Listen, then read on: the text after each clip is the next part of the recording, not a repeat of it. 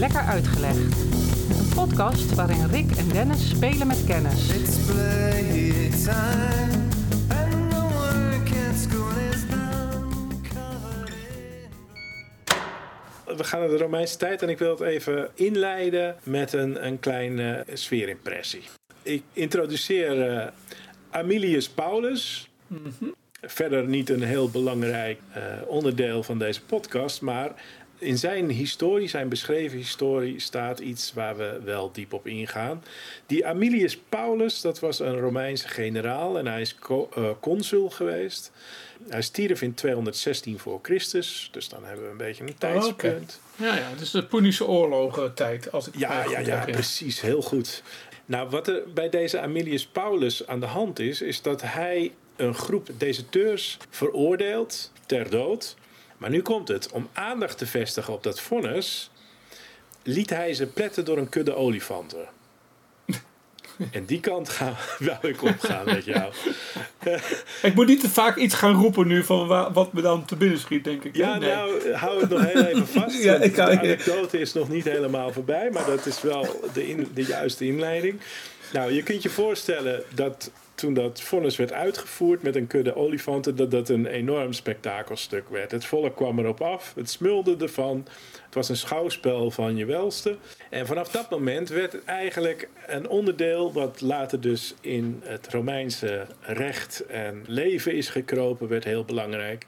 Want vanaf toen werd er de executie door dieren ingevoerd. Oké. Dus wij kennen dat als voor de leeuwen geworpen worden. En de Romeinen kennen dat als damnatio ad bestias. Mhm. En vanaf dit moment dus, met die scène met die olifanten, eh, vindt dit zijn ingang in dat Romeinse Rijk. Dat gaat door, want die populariteit hè, bij het volk en bij het publiek is eh, zo groot voor dit evenement, dat het ook onderdeel wordt voor de festiviteiten in het amfitheater. Dus het komt letterlijk op, op de agenda te staan in de arena. Dus iedere Romeinse burger eh, die kon nu niet alleen naar de, de prachtige gladiatorengevechten of het wagenmennen of, of noem het maar op. Maar nu was er ook een ochtendprogramma en dat ochtendprogramma werd ingenomen door alles wat te maken heeft met dieren. En waaronder dus deze executie, dit vonnis waar, waar je voor de leeuwen geworpen werd. En dat ochtendprogramma, Rick, dat eh, wil ik nu eens eventjes in een zonnetje gaan zetten.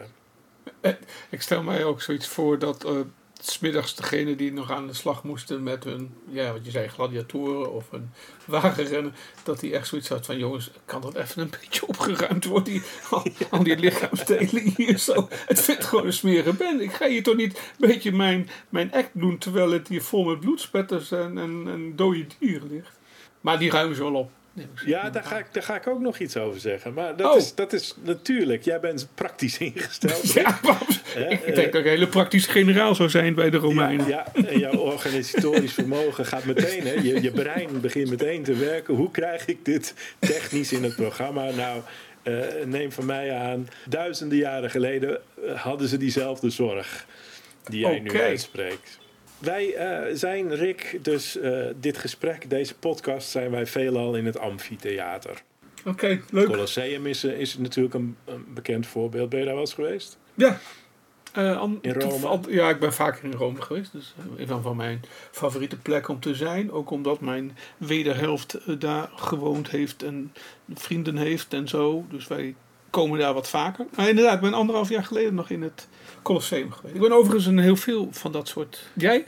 Ik ben, ik ben eh, het zal niet heel ver van anderhalf jaar geleden af eh, geweest zijn. Maar ik, eh, zoals iedereen en jij inmiddels wel weten, heb ik anderhalf jaar op de fiets gezeten Mhm. praktisch. Ja. En wij kwamen langs Pula in Kroatië. En daar staat een gigantisch mooi amfitheater.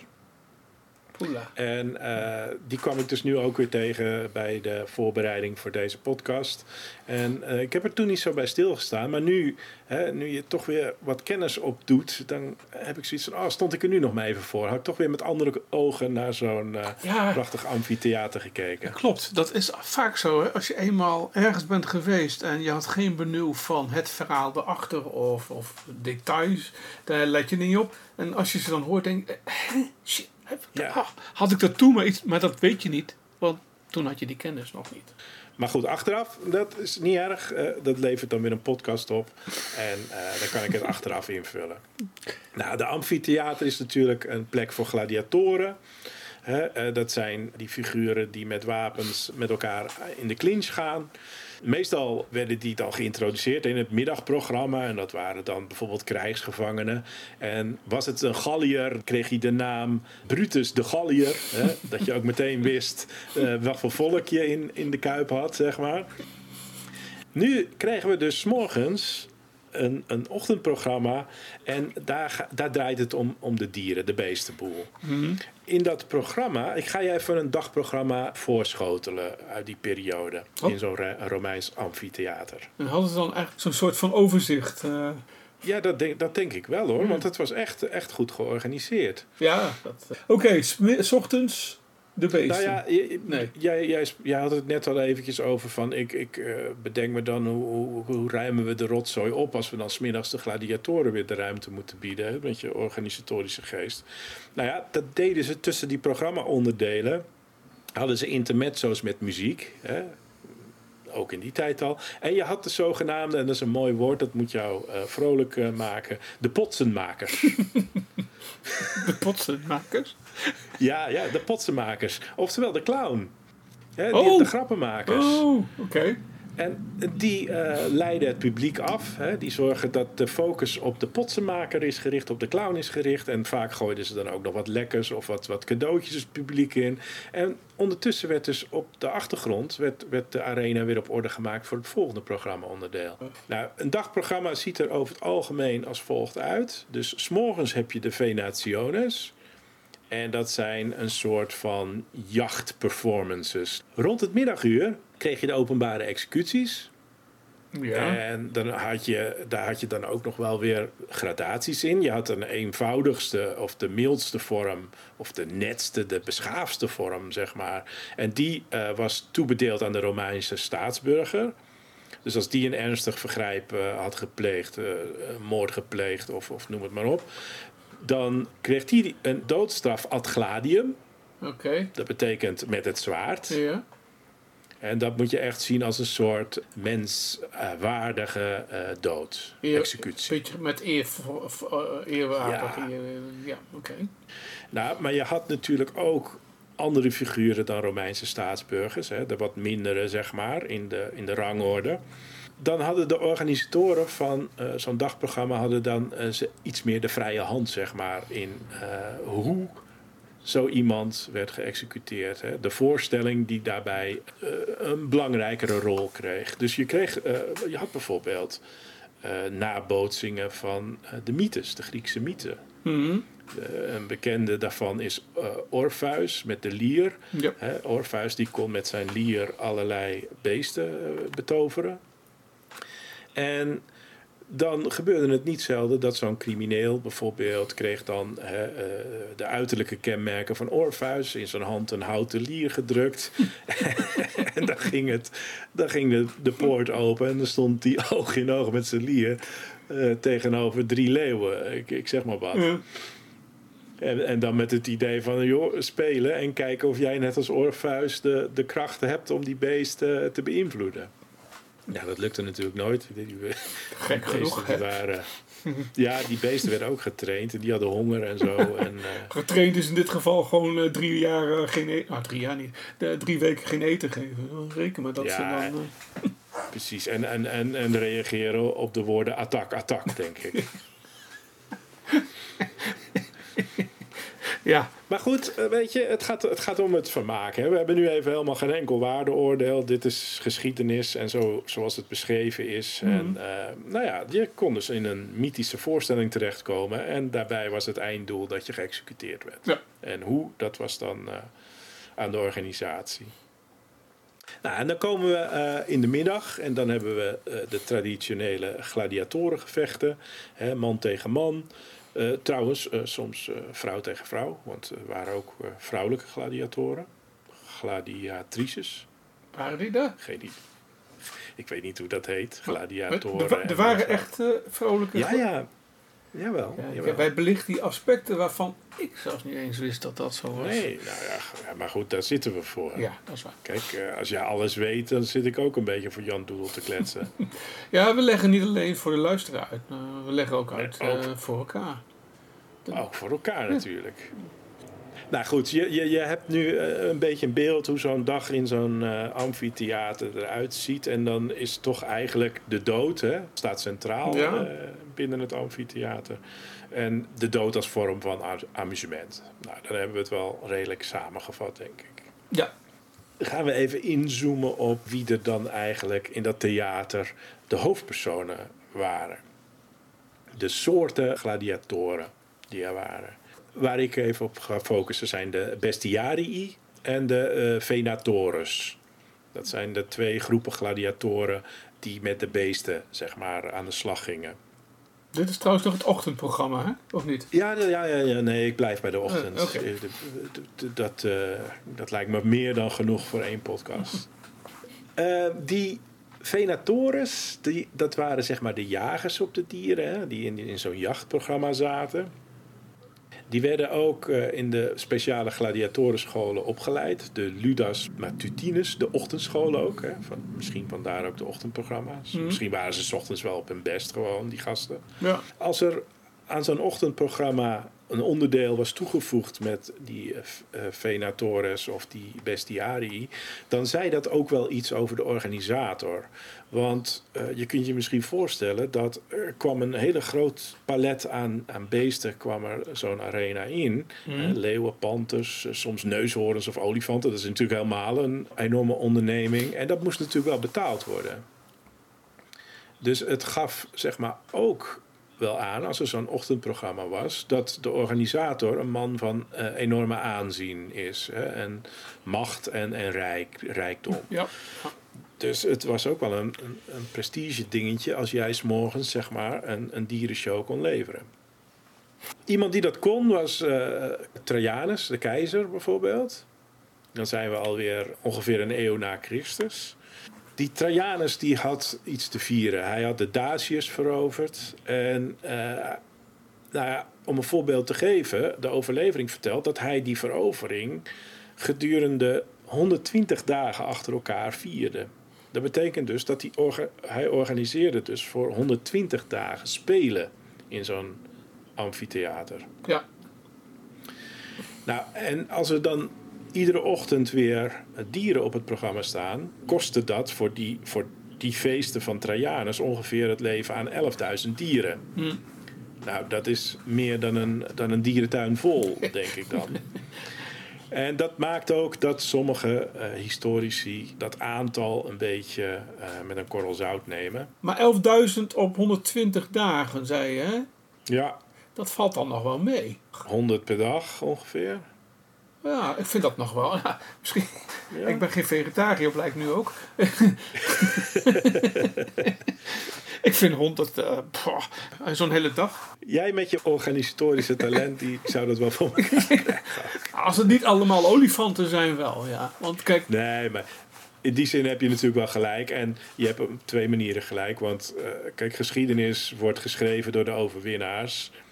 En weet je, Trajanus die zal er natuurlijk ook eh, wel baat bij hebben dat er eh, geschreven wordt dat het er 11.000 zijn Mm. in plaats van 1100 natuurlijk. Want Ja. dat geeft hem nog meer status en aanzien. Ja, dan ben ik met je. Eh, het zal wel ergens in het midden zijn.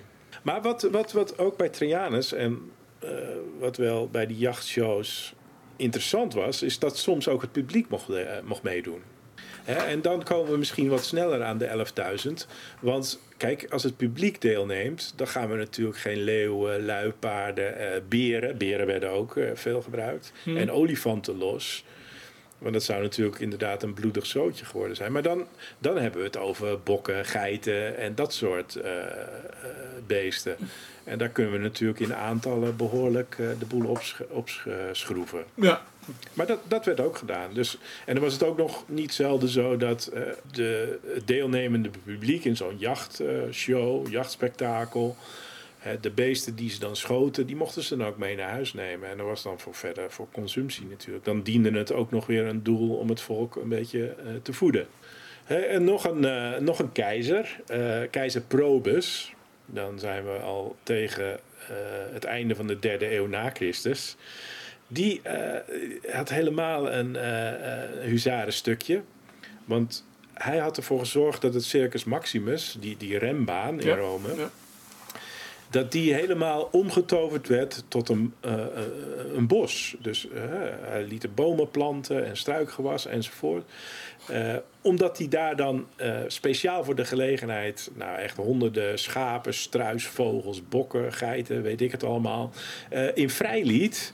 En dan liet hij dat volk dus jagen. Dus dan had je echt, zeg maar, hij, hij bootste gewoon een heel bos na.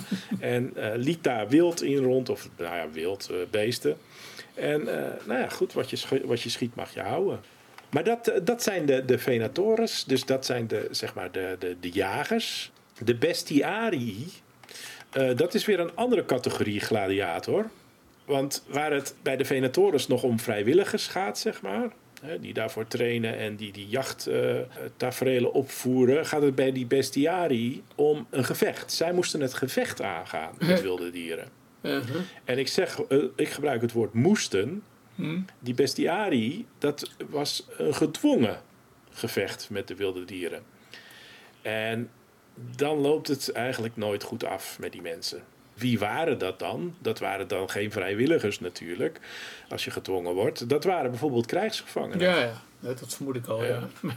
Ja, dus de, de soldaten die je uit een streek meeneemt, die, mochten zich dan, die mochten dan ook wel trainen en, eh, en zich klaarmaken voor zo'n gevecht. Want dat eh, was ter eh, vermaak. Eh, hoe, hoe langer iemand het volhield, eh, hoe beter het volk vermaak werd. Dus als ze er een beetje moeite in stopten, was het geweldig. Maar eh, het tegenovergestelde gebeurde ook wel eens, Rick. Ja, dat is. Nou ja, kijk, als je als bestiari het eh, toneel in moest, dan wist je dat het slecht afliep met je. Ging je het gevecht aan met het dier, dus stel nou even dat we een leeuw eh, oog in oog staan met een leeuw. En soms kregen die luid dan ook nog eens een houten zwaard of zo in de hand. Nou ja, dat is minimaal, eh, minimaal wapenuitrusting natuurlijk. Maar goed, stel in het gunstige geval dat jij daar staat als gladiator, oog in oog met die leeuw. En je weet hem aan je houten zwaard te rijgen. En die, je wint het van die leeuw. Hè, dat zou natuurlijk groot zijn. En dat zou ook een enorm spektakel zijn. Dat was, dus dat was op zich helemaal niet erg. Nee, dat was prima. Alleen voor jou was het eh lood om uit ijzer. Want dan ging de volgende poort open en dan kwam er weer een, beest. tweede leeuw. ik wil het bijna zeggen, die Romeinen echt niet voor één gat te vangen. nee hoor, gaan we gewoon een ander gat openen. Er komt weer een beest uit. En, eh, Precies. En, en nou, stel nou, Rick, even alle gekheid op een stokje. Stel nou dat je die tweede leeuw... Jij bent gewoon goed tegen leeuwen. Ja. Ik bedoel, laten we wel zijn. Dus jij eh, rukt dat houten zwaard uit het lijf van die eerste leeuw... en je stopt hem in die tweede. en je wint hem weer. Ja. Ja, je weet natuurlijk nu dat dat poort weer open ging. Maar dan kwam er bijvoorbeeld... eh, er er kwam er een beer uit. Nou, dan- eens kijken hoe die het tegen een beer doet. Strabo trouwens, wil je het nakijken, eh, de geschiedschrijver... die heeft wel verhaald over een bestiari... die tot twee keer toe een beer wist te verslaan. En in derde instantie kreeg hij een luipaard voorgeschoteld... en die was hem meester. Dus dat soort verhalen zijn er, eh, zijn er wel. ja. Maar om nog even terug te komen op eh, het gebeurde ook wel eens het tegenovergestelde. Eh, want als jouw lot al vast ligt, ja, in hoeverre ben, ben je dan gemotiveerd om die strijd met die beesten aan te gaan als je weet dat het toch fout afloopt met je?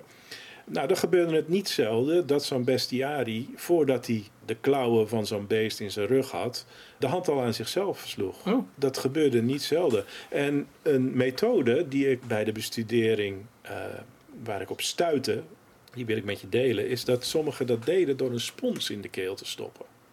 Een soort waterboarding. Nou ja, dat was kennelijk in die tijd een manier hè, om op een handige manier eh, jezelf van kant te maken. Maar er waren bijvoorbeeld ook eh, moord-zelfmoordpakten.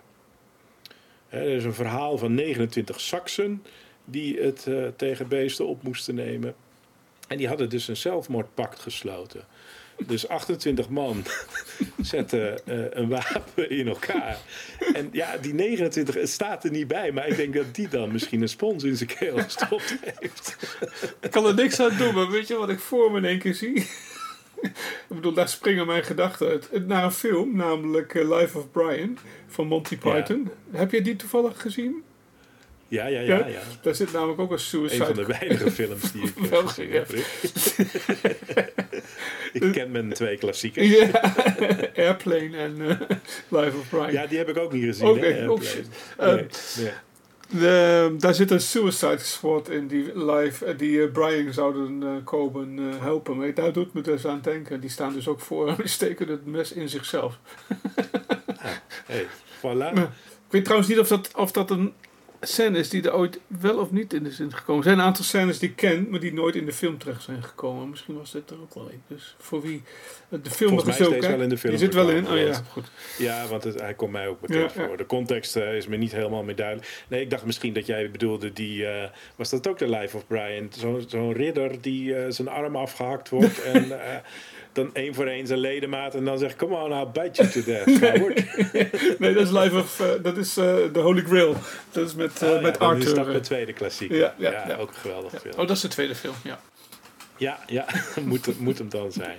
Oké, nou, eh, maar los, want wij, wij eh, doen lichtjes over zo'n verre geschiedenis natuurlijk, zo'n bloedige geschiedenis. Maar we moeten natuurlijk onze historische bril ook wel even opzetten. En dan bedoel ik dat hoe wij nu omgaan met dieren natuurlijk totaal niet in verhouding staat met eh, de rol die de dieren in het Romeinse Rijk en in die tijd eh, vooral hadden. Want dieren werden gewoon op straat doodgemaakt, eh, werden geofferd aan goden, rituelen en ceremonies, was ook niet onbekend. Je had ook nog in die tijd een traditie van het lezen van ingewanden. Dus mensen waren eigenlijk altijd wel omringd door het doden van dieren, het slachten van dieren. Want slachten voor consumptie deden ze ook open en bloot. Dus eh, weet je, een dier die stierf om wat voor reden dan ook, dat was niet iets, eh, iets vreemds in die tijd. Nee, Dus daar even de disclaimer. ja. Over... Ja. ja, nee, ik was... ehm want we hadden het al even over ehm, zo'n ehm, amfitheater. En jij had het over het theater in uh, Kroatië. Pula. Pula. Ja. Eh, Ja. Maar was je nou zelf in, in Rome geweest? In het Colosseum of niet? Jazeker, ja, ben ik ook geweest. Ja. Ja, want eh, als je zo... wel- Ik ben ook in, eh, in de buurt van Napels in uh, Pozzuoli. Dat is dichtbij eh, allerlei eh, zwavelputten. Want het is natuurlijk een, best Mhm. een eh, aardbevingsgebied. Met de Mhm. Vesuvius ook in de buurt. Ehm, die hebben ook... Pozzuoli is ook een oude stad waar ook een amfitheater is. En daar heb ik ook onder gelopen. Dus ik, vond het zo fascinerend. Hè? Als ik mij iets voorstel bij die dieren die dus het amfitheater inkomen, ja, die komen eh, voor een deel erg, moeten ergens gehouden worden. Ja, ja, ja, ja, absoluut. En waar zitten die dan? Ja, die zitten in ruimtes onder de tribunes en onder de, eh, het, Exact. speelveld. En eh, dat is, nou ja, komt weer de organisator in mij kijken. Dat is een hoop, hoop geregel ook. Want ja, je zet niet de schapen naast de bokken. Of ja, die nog wel, de, de schapen niet naast de leeuwen of zo. En als je zoveel dieren wilt. Dat was, dat was een hele, hele operatie. Dat, eh, dat, dat ben ik helemaal met je eens. En ik ben nooit onder, zeg maar, in de krochten van een, van een amfitheater geweest. Dus dat is zeker interessant om, om dat vanuit die kant te bekijken. Maar eh, zoiets moet het zijn geweest, ja. Ik heb daar eigenlijk niet, eh, niet op gelet van waar komen ze vandaan of waar worden ze aangevoerd. Maar dat zou best gewoon in de kelders, vanuit de kelders kunnen, ja. Ja. Maar, bruggetje, want jij zat net in Italië bij de Vesuvius, zei je. Ja, Napels. Wie ook in de buurt van de Vesuvius eh, vertoefde, dat was eh, Plinius, de, De oudere. oudere. Ja, Plinius. Plinius Major. Ja. Om niet eh, te vergissen met Plinius Minor, de jongere. jongere. We hebben het dan over zo'n 50, 60 na Christus. 70. Eh, nee, nee, nee. Eh, ja, eh, hij is geboren in Como in 23 na Christus. Mhm. En hij stierf in 79 na Christus. En dat is het bruggetje naar de Vesuvius. Want Ja. hij is als gevolg van de uitbarsting van de Vesuvius is hij, gestorven, deze Plinius de Oudere. Ja. Hij had COPD. Ja, nee, nee, echt. echt. Ja, of zoiets. Heel ernstig Maar ook. hij schijnt, Ja. ja, nee, hij schijnt aan, eh, want hij heeft de directe eh, uitbarsting van de Vesuvius heeft hij wel overleefd, maar het schijnt dat hij aan de, de dampen in de jaren of de maanden daarna eh, is overleden. Hm. Hij is de eerste die eigenlijk eh die Venatio beschrijft, Plinius de Oudere. Is dat En zo? dan kom ik weer even terug op het onderwerp. Ja, want hij, hij, hij doet eerst melding van die, eh, het verhaal waar ik mee begon. Die olifanten, die waren inderdaad in die eerste Punische oorlog buitgemaakt. En die zijn eh, zeg maar ingezet om die, eh, die veroordeelden te pletten. Ja. En dat is door Plinius de Oudere is dat, is dat opgeschreven. Eh, maar gaan wij even verder in de tijd. In de tijd van Plinius zelf en de late republiek. Crassus, Caesar, die periode. Ja. Dan hebben we het echt, eh, dan is het al in, volle gang, die, die, dat dierenprogramma. Want dan worden er echt eh, enorme hoeveelheden exotische dieren ook onderdeel van het programma. En dat is ook wel weer logisch, want op dat moment eh, is dat Romeinse Rijk enorm aan het expanderen. Dus nieuwe gebieden worden verkend, nieuwe gebieden worden veroverd. Afrika, de kant op van Egypte, nou, noem het maar op. Eh, Europa, het noorden. Dus daar komen ook allerlei dieren vandaan. En die worden allemaal ingezet. Hoe extremer, hoe beter natuurlijk voor die Venatio. Ja. En dan krijg je dus een mengvorm hè, van. eh, de, daar komt dus ook een stukje curiositeit bij kijken. eh, stukje, want eh, het schijnt dus ook dat het publiek voorafgaande aan het programma ook zeg maar terrein kon verkennen, de beesten kon bekijken. Dus dan krijg je een soort van een, een dierentuin eh, gehalte. Hmm. Wat voorafgaat aan dat soort programma-onderdelen. Beetje langs kraampjes lopen waar ze... Ja, ja, een, beetje, een beetje zin krijgen. Hè? Dat je voor een voetbalwedstrijd alvast een sjaaltje koopt. eh, Ja. Ja. voor om je nek, Ja. dat soort dingen. Eh, die exotische dieren, die ook voor de display eh, voorafgaande aan die shows eh, werden getoond.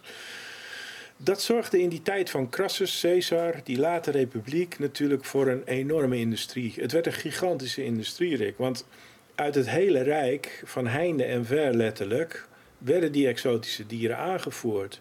Dus er moest op gejaagd worden. Mhm. Er moesten trainers komen die ze. eh, en voor de begeleiding en de weg eh, naar Rome toe. Of eh, hoe ze zich in, in het amfitheater zelf moesten gedragen. Dus ze moesten getraind worden, ze moesten verzorgd worden, er moest gehuisvest worden.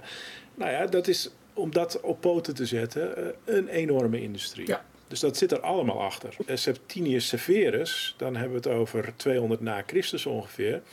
Wat hij liet doen tijdens zijn show was hij liet een schip nabouwen in de arena. En dat schip dat zag eruit alsof het schipbreuk had geleden. En vanuit de krochten van dat schip liet hij 400 wilde beesten ontsnappen. Luipaarden, leeuwen, beren. En die werden vervolgens hè, met een grootse jachtpartij werden die natuurlijk weer gedood. Maar dat geeft al aan, je hebt het hier over, eh, eh, hoe heet hij ook weer? Joop van de Ende producties. Zo moet je het eigenlijk een beetje zien. Ja, Jopius Endius. ja, Jopius Endius Major, Maximus. Nee, daar, daar, doet, daar doet het me aan denken. Het zijn gewoon complete eh, musicals natuurlijk. Ja, dat is ook inderdaad wel zo. Ja, het grappig is, ja, als je het zo schetst, dan vind ik het allemaal heel normaal klinken. Maar het moet even een keer gezegd zijn dat dit soort grootse feesten, je noemde Trajanus al, ehm, eh, binnenkort eh, zal ik daar, eh, komt hij terug, Trajanus? Oh, Ja. geinig. Ja, ja. ja ik bedoel niet, Je gaat niet, het middagprogramma doen. niet in levende lijven, maar dat is voor, de, voor de luisteraar is dat al iets om naar uit te kijken. Geen idee waar, het over, waar ik het over ga hebben, blijkbaar. Nee? Nee. Nee, ik heb geen nee, idee dat is wel natuurlijk. goed ook. Uh, maar uh, die, uh, die, die wilde natuurlijk ook graag gezien dat men vastlegde hoe bijzonder het allemaal was en dat het lang duurde. Dus ja. Maar goed, uh, Severus had een boot, zei je, een die Ja, schipbreuk. Een schip nagebouwd. Ja. Maar was het ook met water? Want ik weet dat, in, of weet, uh, daar is sprake van dat in het Colosseum de boel onder water gezet kon worden en dat er zelfs complete zeeslachten konden worden gehouden. Nou, dat durf ik je niet te zeggen. Ik heb over uh, water heb ik niks kunnen terugvinden. Ik ga ervan uit dat het niet zo was, maar... Voor wat betreft Severus bedoel je? Ja, ja, mm. ja, daar heb ik niks over teruggevonden. Maar eh, het, het, het aanbeeld, hè, daarom zeg ik ook voor mij de associatie met Joop van den Ende producties. Ik, ik zou dat ook zo als een decor in een van zijn producties kunnen zien. Ja. Dan gaan we nu even naar het tweede gedeelte, dus die bestiari. Dit is allemaal nog die, die jachttaferelen, zeg maar. Maar we gaan nu naar het wat serieuzere werk, namelijk de veroordeelde, de doodstraf. Mhm. Je had, eh, ik had al gezegd, die bestiari, die, dat konden zijn de krijgsgevangenen. Hè, die kregen dan nog een, een houten wapen. En die stonden dan oog in oog met zo'n beer. En eh, die wisten zeker dat ze eh, eraan gingen. Nou, diegenen die veroordeeld werden tot de damnatio ad bestias, die kregen geen enkel wapen. En die werden soms zelfs ook eh, vastgebonden aan een kruis of, of aan een paal. Ja. Nou, het doel, dit had natuurlijk een duidelijk ander doel. vermaak, dat bleef natuurlijk een achterliggend doel, maar dit had nog een doel. Want dit moest criminelen afsch- afschrikken. Het welbekende voorbeeld van als jij eh, de regeltjes niet volgt, dan is dit wat je te wachten staat. Dus het had een duidelijk voorbeeldfunctie. Crimineel gedrag moest worden ontmoedigd. Ja. Om even een bandbreedte nog eh, neer te leggen. In Rome duurt het ongeveer tot eind 7e eeuw dat dit voorkwam. En dan hebben we nog het eh, Oost-Romeinse Rijk. Dat ging nog even door. Daar hadden ze het nog tot ongeveer 1000 eh, in, in de programma's. En wat wel weer aardig is, want hè, daarmee zou je dit mooi kunnen afsluiten en beperken tot het Romeinse Rijk. Maar nee, de bisschop van Sarelane, dat is eh, de bisschop in Estland, Oké. die, die heeft dit nog tot diep in de middeleeuwen gedaan. Huh? Doodstraf uitgesproken en eh, het vonnis door dieren laten eh, voltrekken. Dus dat is niet helemaal beperkt tot, Tot de Romeinen. Romeinse Nee. Rijk. Nee, nee, toch wel aardig. Maar goed, wie, wie, wie, wie betrof dit? Hè? Wie waren de slachtoffers? Nou, in eerste instantie eh, slaven die probeerden te vluchten. Maar dat gebeurde ook wel met enkele christenen in de tijd van Nero. Voordat... Ja, die eh, had het ja. niet zo Nee, op christenen. nee. En eh, wat hij vermoedelijk probeerde te doen, en dat is ook de reden dat christenen zeg maar, eh, in die arena terechtkwamen en op deze manier werden veroordeeld en geëxecuteerd, is dat hij toch wel wilde, een beeld wilde wekken dat christenen eigenlijk op gelijke ge- eh, voet moesten worden gezien met criminelen. Dus dat was Mhm. ook een duidelijke voorbeeldfunctie voor, voor keizer Nero. Nou, dan hebben we de grootste eh, christenen. eh, pff, ze hebben het natuurlijk, eh, het is een interessante geschiedenis, onderzocht en onder de loep gelegd van in hoeverre gebeurde dat nou heel veel met christenen. Nou, daar wordt aan getwijfeld dat het echt heel veel voorkwam. Maar het kwam wel voor, maar het aantal schijnt toch redelijk beperkt te zijn. Het is wel vaker met dit soort... we hadden het net over de overdrijving van Mhm. cijfers. Zoals het aantal beesten wat werd geofferd tijdens de Trajaanse zegertocht van 120 dagen. Nou, we, we- Ja. kunnen we heel nuchter zeggen van... Nou, lijkt me sterk of nou, zou kunnen. Eh, Ja. Bij dit soort dingen, bij hoeveel christenen zijn gekruisigd of door beesten uit eh eh, doodgebeten tijdens de Romeinse tijd. Uh, dan had je natuurlijk in de middeleeuwen was het ook een beetje zo. met hoeveel heksen zijn er nou feitelijk verbrand. Eh, Ja. Dus ik ben altijd aan de ene kant vind ik het leuk om mee te gaan in de gedachte hoeveel er mee zouden zijn kunnen zijn gedood. Mhm. Aan de andere kant ja, voel ik ook wel een zekere reserve. Wat, wat, wat weet jij? eh, Wat denk jij? Is het aantal inderdaad groot geweest, het aantal christenen? Ik denk dat het aantal christenen niet groot geweest is. Als, als deel van de. eh, Ja, van, van de, de, de veroordeelden bestiari. eh, die voor de beesten. Ja, Ja. ja. die voor de beesten gegooid zijn. En dat denk ik omdat dat. Nou, eigenlijk om wat jij ook beschrijft. Hè, het is een dankbare groep of een dankbare historie om te herhalen. En door een bepaalde historie steeds te herhalen, eh, ontstaat er een neiging om het te gaan overdrijven of om de aantallen eh, te vergroten, om het nog meer in het voetlicht te krijgen. En ik zeg niet dat het gebeurd is, maar ik zeg dat dit wel een onderdeel is wat daar heel erg gevoelig voor is.